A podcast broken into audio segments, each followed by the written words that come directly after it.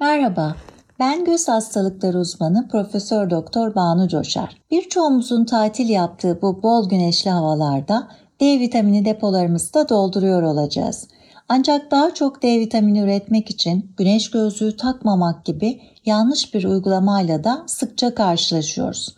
O nedenle D vitamini ve göz sağlığımız arasındaki ilişkiden bahsetmek istiyorum. D vitamini cildimizde güneşin ultraviyole B ışınları sayesinde üretiliyor. D vitamininin D2 ve D3 olmak üzere iki temel tipi var.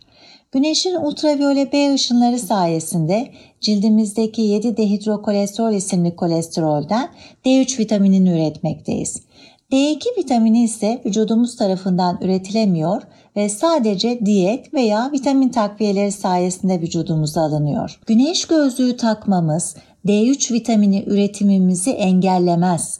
O nedenle boşu boşuna güneş gözlüğü takmayarak gözümüzü güneşin zararlı ışınlarına maruz bırakmayalım. Güneşin ultraviyole ışınları sadece göz çevremizdeki cildi yaşlandırmıyor. Aynı zamanda gözümüzde katarakt ve et gibi hastalıklara yol açıyor. Gözümüzü güneşten korumak için nasıl bir güneş gözlüğü seçmemiz gerektiğinden de kısaca bahsetmek istiyorum. Kullanacağımız güneş gözlüğü mutlaka %100 ultraviyole filtresi içermeli. Camların saydamlığı iyi olmalı, görme seviyesini ve kontrastı azaltmamalı, parlamaya yol açmamalı. Görüşü azaltmaması için camlar çok koyu renkli olmamalı. Çerçeve çok küçük olmamalı, geniş olup gözleri yanlardan da örtmeli. Ayrıca güneş gözlüğü kullanımına erken yaşta başlanması çok önemli.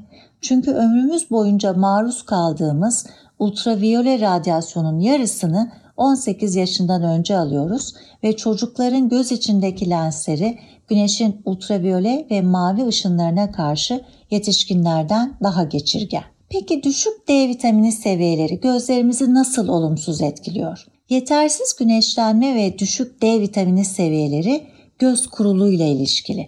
O nedenle son yıllarda göz kuruluğu olanlarda D vitamini ölçümüne göre daha fazla güneşlenme veya D vitamini takviyesi önermekteyiz. Ayrıca miyopi, yaşa bağlı sarı nokta hastalığı, glokom yani göz tansiyonu, diyabetik retinopati yani şeker hastalığının göze vurması ve üveit yani göz iltihabı gibi göz hastalıklarında da D vitamininin rolü olabileceği düşünülüyor ve bu konuda halen pek çok araştırma devam ediyor. Gelelim göz sağlığımız için yeterli D vitamini seviyesine. Çoğu insan yeterli seviyede güneş görmediği için yeterli seviyede D vitamini de üretemiyor. D vitamini sınırlı sayıda besinde bulunduğu için beslenme yoluyla da birçoğumuz yeterli D vitamini alamamaktayız. Ancak D vitamini eklenmiş süt ve tahıl ile somon, sardunya ve uskumru gibi yağlı balıklar D vitamini içeriyor. O nedenle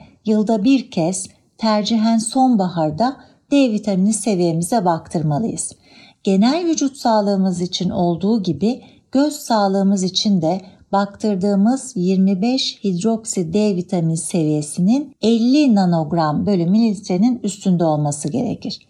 Eğer seviye düşük ise bu konuyu doktorunuza danışmalısınız. Sonuç olarak göz sağlığımız için D vitaminsiz kalmayalım ama güneş gözlüğü takmayı da ihmal etmeyelim.